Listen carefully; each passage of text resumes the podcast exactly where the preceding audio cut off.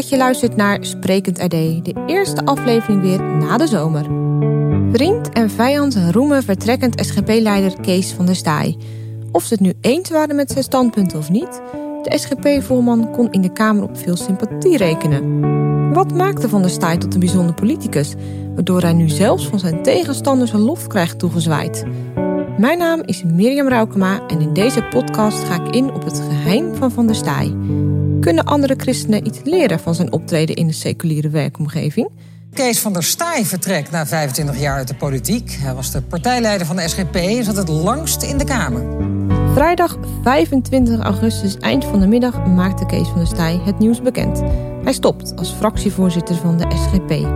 Alles uh, heeft weer zijn tijd. Hè? Er is een tijd van komen en er is een tijd van gaan. 25 jaar zat hij in de Kamer en daarvan 13 jaar als fractievoorzitter. Helemaal als een verrassing kwam zijn bericht overigens niet. Al langere tijd ging het gerucht dat Van der Staaij stokje zou gaan overdragen aan Christoffer, de huidige nummer 3. Vanuit de politiek kreeg Van der Staaij veel waardering voor zijn optreden. Nestor, staatsrechtelijk geweten, iemand met een schat aan ervaring en gezag, zo wat termen die rondzongen. Vader des Kamerlands noemde BBB-leider Caroline van der Plas hem. En Mirjam Bikker, de volvrouw van de ChristenUnie, zegt dat ze in Van der Staaij een broeder gaat missen. En dit zei demissionair minister-president Rutte over het vertrek van de SGP-leider. Ik ga hem zeer missen en ik denk dat we hem allemaal uh, gaan missen in meer of mindere mate. Uh, want je kunt niet eromheen. Een paar redenen. Ik vind het iemand die altijd heel positief probeert politiek te bedrijven. Uh, met een uitermate respectvolle omgang met collega's. De SGP nam met Van der Staaij aan het roer orthodox-christelijke standpunten in. Denk aan debatten over abortus, euthanasie of LHBTI-kwesties. Standpunten waarover hij met politieke tegenstanders soms stevig in de clinch lag. Hoe kan het dat Van der Staaij toch zo geliefd was bij zijn mede-parlementsleden? Ik praat erover met Zabet van Veen, imagodeskundige die eerder al premier Rutte en minister Kaag onder de loep nam. Welkom, Zabet. Leuk dat ik eh, met jou mag spreken over het optreden van eh, Kees van der Staaij de afgelopen jaren. Uh, als jij zo naar hem kijkt, wat is dan jouw indruk van hem? Wat voor soort imago heeft hij? hij heeft een heel betrouwbaar imago. Het is echt wel iemand die, met, die, die zijn boodschap echt, die, die blijft heel stabiel. Um, hoe, hij, hoe hij in zijn privéleven doet, zo doet hij eigenlijk ook voor de bühne. Um, hij is, denkt dat elke vezel in zijn lichaam gaat, uh, gelooft hij in de Bijbel en in God. En dat draagt hij uit. En, maar dat draagt hij ook op een uh, positieve, niet uh, dwingende manier uit. Dus hij respecteert wel mensen die anders denken. Dus hij begrijpt wel de een, hij begrijpt de ander. Maar hij vaart toch zijn eigen SGP-koers. En hij, hij neemt de Bijbel daar altijd in mee. Maar dat doet hij wel op een respectvolle manier naar anderen toe. Ja, heb jij de indruk dat hij uh, in die afgelopen, het is het 25 jaar, ook nog heel erg is veranderd? Nou, op zich valt wel mee. Als je foto's ook ziet en zijn optreden ziet en zijn stemgeluid hoort, ja. uh, is dat eigenlijk uh, best hetzelfde. Hij, ik denk dat hij wat meer in de loop der jaren wat meer snang is geworden met zijn humor en dat uh, wat, wat beter durft in te zetten en daar ja. zelf ook wat meer lol aan beleeft. En dat komt natuurlijk ook door de ervaring. Maar eigenlijk zijn boodschap, waar hij achter staat, waar hij echt voor gaat, daar, is, daar is eigenlijk niet zoveel veel veranderd. Nee. Maar wat misschien wel leuk is, want gisteren was bij Humberto Tan was het um, ging het over wie gaan we het meeste missen. Ja. Um, tenminste, dat was dan de RTL, uh, was een RTL-enquête. Wie gaan we het meeste missen? En dat was uh, Kees van der Staaij. Oké. Okay. Die stond okay. de eerste plaats nog voor uh, Rutte. Wauw, oké. Okay. En, en, dat ging omdat hij aangaven dat ze, dat ze toch het geweten is van, van de Kamer. Ja. Dat hij betrouwbaar is, humor heeft, um, aardig is, vriendelijk. Ja. Dat ja. waren terminologieën, maar wel, wel grappig dat hij zo op de eerste plaats komt. Vooral omdat hij natuurlijk toch een kleinere achterban heeft dan Zeker. andere partijen. Ja, en dat zal niet alleen die achterban zijn geweest die daarop heeft gestemd. Juist niet. Dat kan misschien. niet. Nee, nee, dat kan daarom. niet, want het, is, het was een vier, of drie vierde van de, één vierde van de stemmen heeft hij ja. gehaald. Dus eh, dat kan nooit de achterban alleen zijn. Nee, opvallend. Hey, en als je dan kijkt naar andere politici, waarin onderscheidt Kees zich ten opzichte van hen? Nou, ik denk dat Kees heeft uh, niet zo'n uitgesproken ego. Hmm. Uh, die gaat eigenlijk voor het, voor het gemeengoed, voor het belang, voor het belang van zijn partij. En natuurlijk ook voor het belang van zijn gedachtegoed. Um, maar niet uh, zijn, zijn ego. En hij kan ook in feite met iedereen. Hij kan andere standpunten hebben. dan andere partijen. Want dat heeft hij natuurlijk wel degelijk. Ja. soms botst het ook enorm. Maar toch botsen botst hij niet met de mensen. En Nee. daarin, eh, en hij is altijd toch respectvol. Ook al heeft hij bijvoorbeeld geen respect voor de gedachtegoed van een andere partij, eh, omdat het haaks, eh, het haak staat tegenover zijn gedachtegoed. eh, kan hij daar toch op een hele respectvolle manier en ook vaak op een humorvolle manier eh, mee omgaan. Ja. En niet, eh, niet zichzelf heel erg profilerend. Daar, daar onderscheidt hij zich in. Hij eh, is ook niet echt iemand die zich enorm eh, profileert, dat hij daar een halve dag taak van maakt. Nee, precies. Het gaat echt om, zijn, om de inhoud bij hem, wellicht. Nou, het gaat eigenlijk om het geloof. En Ja. Mhm. het geloof heeft een bepaalde inhoud. En, en, en daar gaat het om bij hem. Ja. Maar Kees van der Staaij eh, onderscheidt zich ook ten opzichte van andere politici... doordat hij echt een verbinder is. Dus hij, het is een, iemand die niet zo gauw conflicten maakt... en liever in verbinding met anderen samenwerkt. En ik denk dat dat gewoon ook een karaktereigenschap is... die op deze manier uitpakt. En waardoor mensen hem ook, eh, ook eigenlijk wel graag met hem samenwerken... ondanks dat hij soms hele tegenstrijdige standpunten heeft... eh, ten opzichte van andere partijen. Ja, helder. En heb je het idee dat, dat Van der Staaij eh, door zijn imago, dat behoorlijk positief is, ehm, de SGP meer op de kaart heeft weten te zetten? Of heeft dat eigenlijk niet heel veel met elkaar te maken? Iedereen weet wel waar de SGP voor staat. En, ehm, en dat staat je aan of dat staat je niet aan. Maar het is wel zo dat als je een partijleider hebt die het op een. Want het is gewoon een hele positieve man. Die gewoon kansen ziet en ook wel open staat voor andere mans, mensen. En dat maakt wel dat, die, dat zo'n partij die best wel wat, eh, ja, wat eh, eigenlijk tegen de homo-wet is, eh, tegen abortus is. Dus ook veel vrijheid voor vrouwen. En, en tenminste, zo wordt wel ervaren. En, Heel tegendraadse partij ja, eigenlijk. best wel een tegendraadse partij. En dat je dat dan toch op deze manier, zeg maar, en, en toch heeft niemand eigenlijk een hekel aan je of zo. Als je, als je het aan de collega-politie vraagt, die hebben, daar, die hebben geen hekel aan hem. En Hm. toch heeft hij een hele andere, eh, eh, ja, heeft hij een hele andere eh, ideeën over hoe de wereld eruit zou moeten zien. Dus dat is best knap. Maar hij blijft respectvol, vrolijk en doet zijn werk. Ja, ja, dat is nu ook opvallend. Hè? Juist omdat hij weggaat, krijgt hij heel veel lof toegezwaaid vanuit politieke tegenstanders soms. Ja. Ehm, hoe verklaar je dat? Eh, Is dat toch hoe hij zich heeft opgesteld de afgelopen tijd? Wat hem sympathiek maakte? Ja, ik denk dat ze met lof eh, eh, uitzwaaien is natuurlijk ook wat makkelijker. Hè? Met iemand waar je eigenlijk inhoudelijk niet mee eens bent. Ehm, Ben je blij dat hij gaat, Ja, met lof eh, is het natuurlijk makkelijker dan dat je volgende week in een debat tegenover hem staat. Ja. Maar los van dat is het. eh, hij, hij is dan, hij, het is niet een man die in de eh, politieke arena andere mensen afslacht. of niet respectvol met eh, mensen omgaat. of kwaaiig is. Er zit eigenlijk heel weinig. Tot geen kwaad in hem. En ook geen kwaad in hem naar andere eh, medepolitici. En dat is best wel, in 25 jaar, ehm, nou dat is best wel, eh, best wel knap. Want hij heeft natuurlijk best wel voor mensen gestaan die toch heel anders denken dan hij. En hele andere denken, denk- dingen willen. Ja. En ondertussen blijft hij altijd respectvol, vriendelijk, met humor. En dat, ja, dat is wel typisch eh, en een beetje saai, zeg maar. Hij is zo een beetje, eh, ja, dat is gek, want hij heeft, heeft wel humor, maar ja, hij ziet er wel, ehm, zeker in zijn privé, wel redelijk saai uit. Het is niet wild, zeg maar. Maar is dat een probleem? Ik bedoel, dat past misschien juist wel weer heel goed bij het imago ook van de partij. Als een degelijke conservatieve partij. Precies. Nee, dat is ook ideaal. Want zij voordat hij er eh, als splinter bij ging lopen of zo. Splinter Chabot. eh, Ja, precies. ja. Dan, eh, dan wordt het totaal ongeloofwaardig. Ja. Nou ja, je kunt je afvragen, is dat dan iets, is hij echt zo zelf? Of is dat ook eigenlijk iets waar hij aan gewerkt heeft? Misschien met een communicatieteam? Of ja, wat is zijn geheim daarin? Ik, de- ik denk dat er helemaal geen geheim is. Ik denk dat hij gewoon zichzelf is en ook niks anders kan zijn. En dat Ja. hij echt eh, heel goed, gewoon vanuit zijn karakterprofiel, hè, want iedereen heeft toch wel een karakterprofiel. En vanuit zijn karakterprofiel is het geen ruziemaker. Het is eh, geen ego-gedreven persoon vanuit zijn karakter. Dus dan hoef je dat ook niet te spelen. Dat hou je ook geen 25 jaar vol. Nee, Nee, en niet. eigenlijk, ja, tuurlijk ontwikkelt iemand zich in 25 jaar. Hè, dus je, tuurlijk verander je.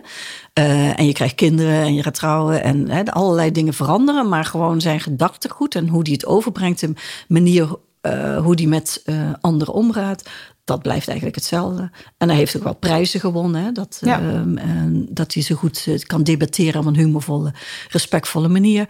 Ehm, dus hij is ook gewoon wel goed in zijn vak en hij heeft daar ook wel een soort van, eh, van lol in. Dat heeft de premier ook zelf ruiterlijk erkend. En hij heeft daarom eerst aangekondigd dat hij excuses zou aanbieden. Ehm, hij heeft gisteren daadwerkelijk excuses aangeboden.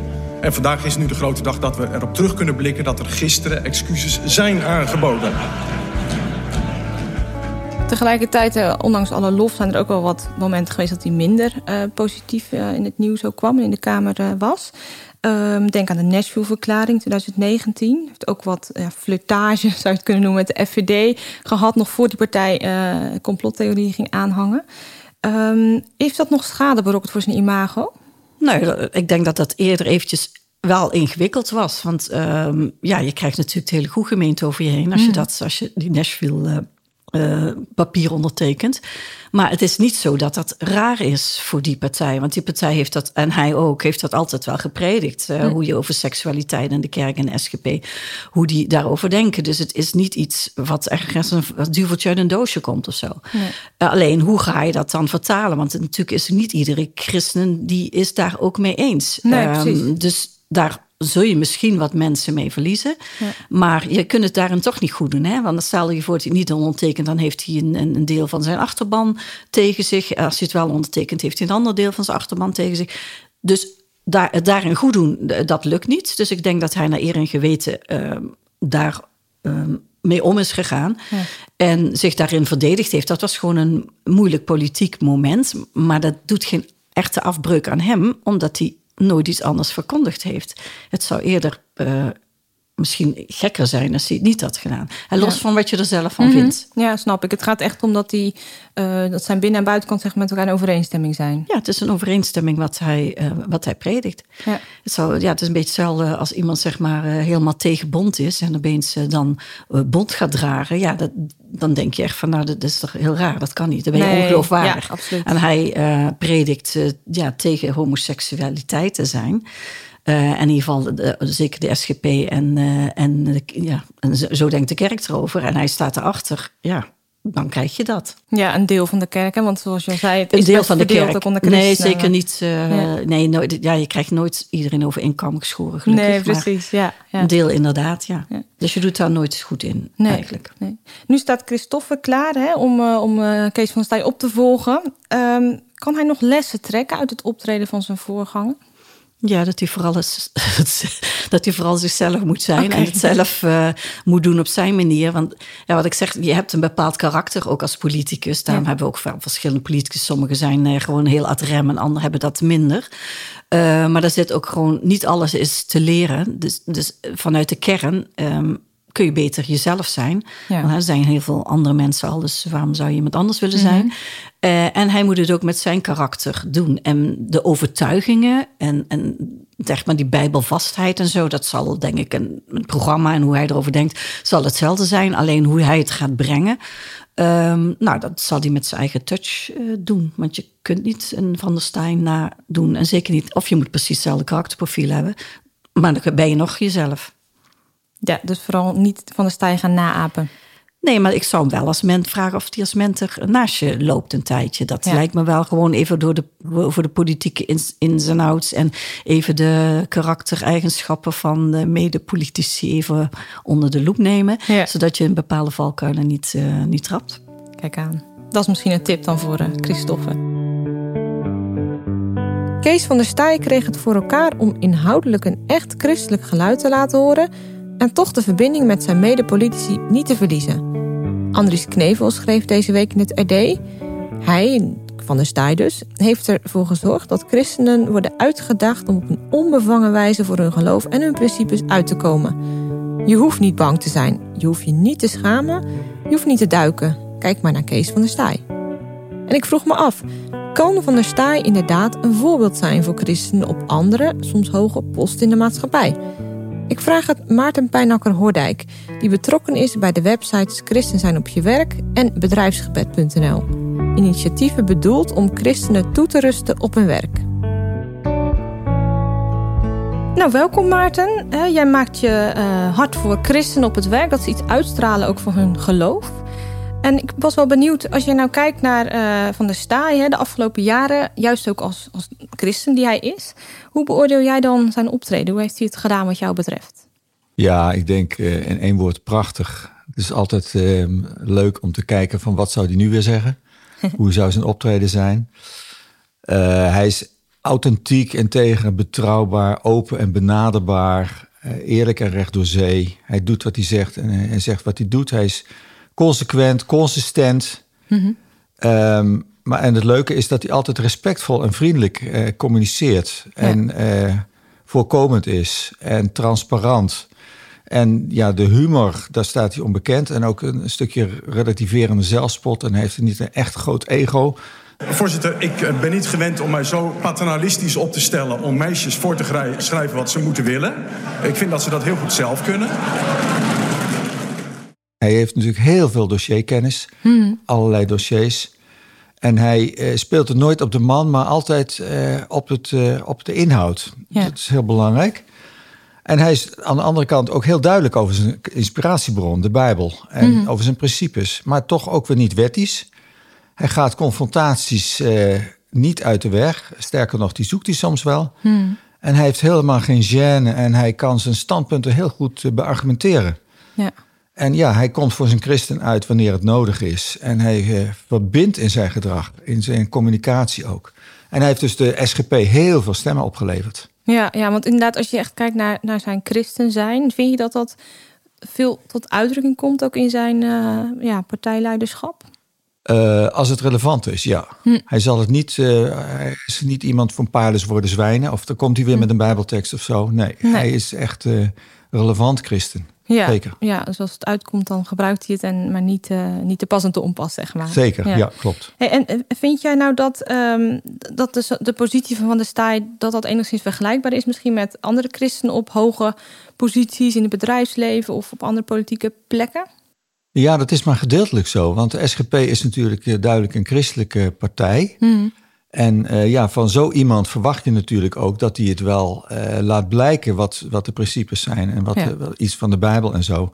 En dat is in een, een groot bedrijf anders dan in de politiek. In de politiek ben je ook publiek bezig. Ja. Dus dan heb je een veel groter bereik dan als je een, een topman bent van een bedrijf als ProRail of Philips of nou ja, noem ze allemaal maar op.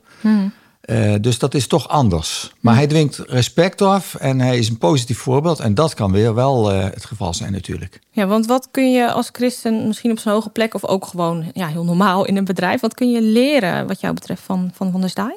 Ja, hij is onverschrokken. En hij heeft zijn christelijke identiteit, die gebruikt hij zonder gêne. En hij draagt zijn principes uit en hij gebruikt ze ook eh, bij de keuzes die die, waar hij voor gesteld staat. Ja, Eh, ook, en dat kun je ook in een bedrijfsmatige context natuurlijk. En hij, eh, hij blijft bij zichzelf, hij, hij blijft authentiek. En eh de sterkpunt is ook dat hij zich in de materie verdiept. ja. En dat is belangrijk, denk ik, ook voor een lei- leidinggevende. Heel belangrijk ook, hij sluit aan op de situatie. Dus hij zoekt niet iets, iets krampachtig erbij, maar hij, hij, ja, hij weet altijd wel leuke dingen te vinden die echt relevant zijn. En hij is eh, respectvol voor mensen, met, ook met andere opvattingen. ja. En dat is iets wat een, in een bedrijf natuurlijk ook belangrijk is. Ja. Eh, en hij blijft integer en hij is eh, niet belerend en wel verbindend. Ja. Dus dat, dat is in een bedrijf ook echt heel belangrijk. Ja, want jij zit ook achter initiatieven als bedrijfsgebed en christen zijn op je werk. Zouden de eigenschappen die je nu opnoemt van Van der Staaij ook ja, tips kunnen zijn die je daar geeft aan christenen die je daar ontmoet? Of, of gaat het er ook vooral om dat je ja, dicht bij jezelf misschien ook moet blijven? Ja, dat is, dat is zeker, ehm, zeker relevant. Eh, er zijn allerlei dingen die, eh, nou, die ik net eigenlijk al gezegd heb. Ehm, en die, die eh, daar ook gelden. Hè? Dus vooral authentiek zijn, bij jezelf blijven. Eh, niet belerend zijn, integer blijven. En als het passend is, iets over je geloof zeggen. Een vrijmoedig getuigen van de Bijbel en de relevantie van je geloof. Eh, en je hoeft je dan helemaal eigenlijk niet te schamen. Want eh, ja, het is de, de beste boodschap die we hebben. En eh, als je als christen leeft naar Gods woord, dan is dat voor iedereen goed. Dus ook voor de niet-christenen. En je mag beseffen dat je mag meehelpen op jouw werkplek om Gods koninkrijk te vertegenwoordigen. Ja, Als een ambassadeur van Hem. ja. Als we iets breder nog kijken tot slot. ehm, ja, de reformatorische zuil is misschien best wat, ja, wat angstig of heeft wat koudwatervrees als het gaat om media. Eh, Kees van der Staaij eh, was best wel vrij met de media. Eh, zijn er ook nog dingen die predikanten of organisaties of andere achterbanclubs, om het zo maar te noemen, kunnen leren van, van zijn houding ten opzichte van media? Ja, ik denk het wel. Ehm, niet wegduiken voor die boze buitenwereld. Proberen verbinding te maken. En vooral dat op een uh, speelse, humorvolle manier doen.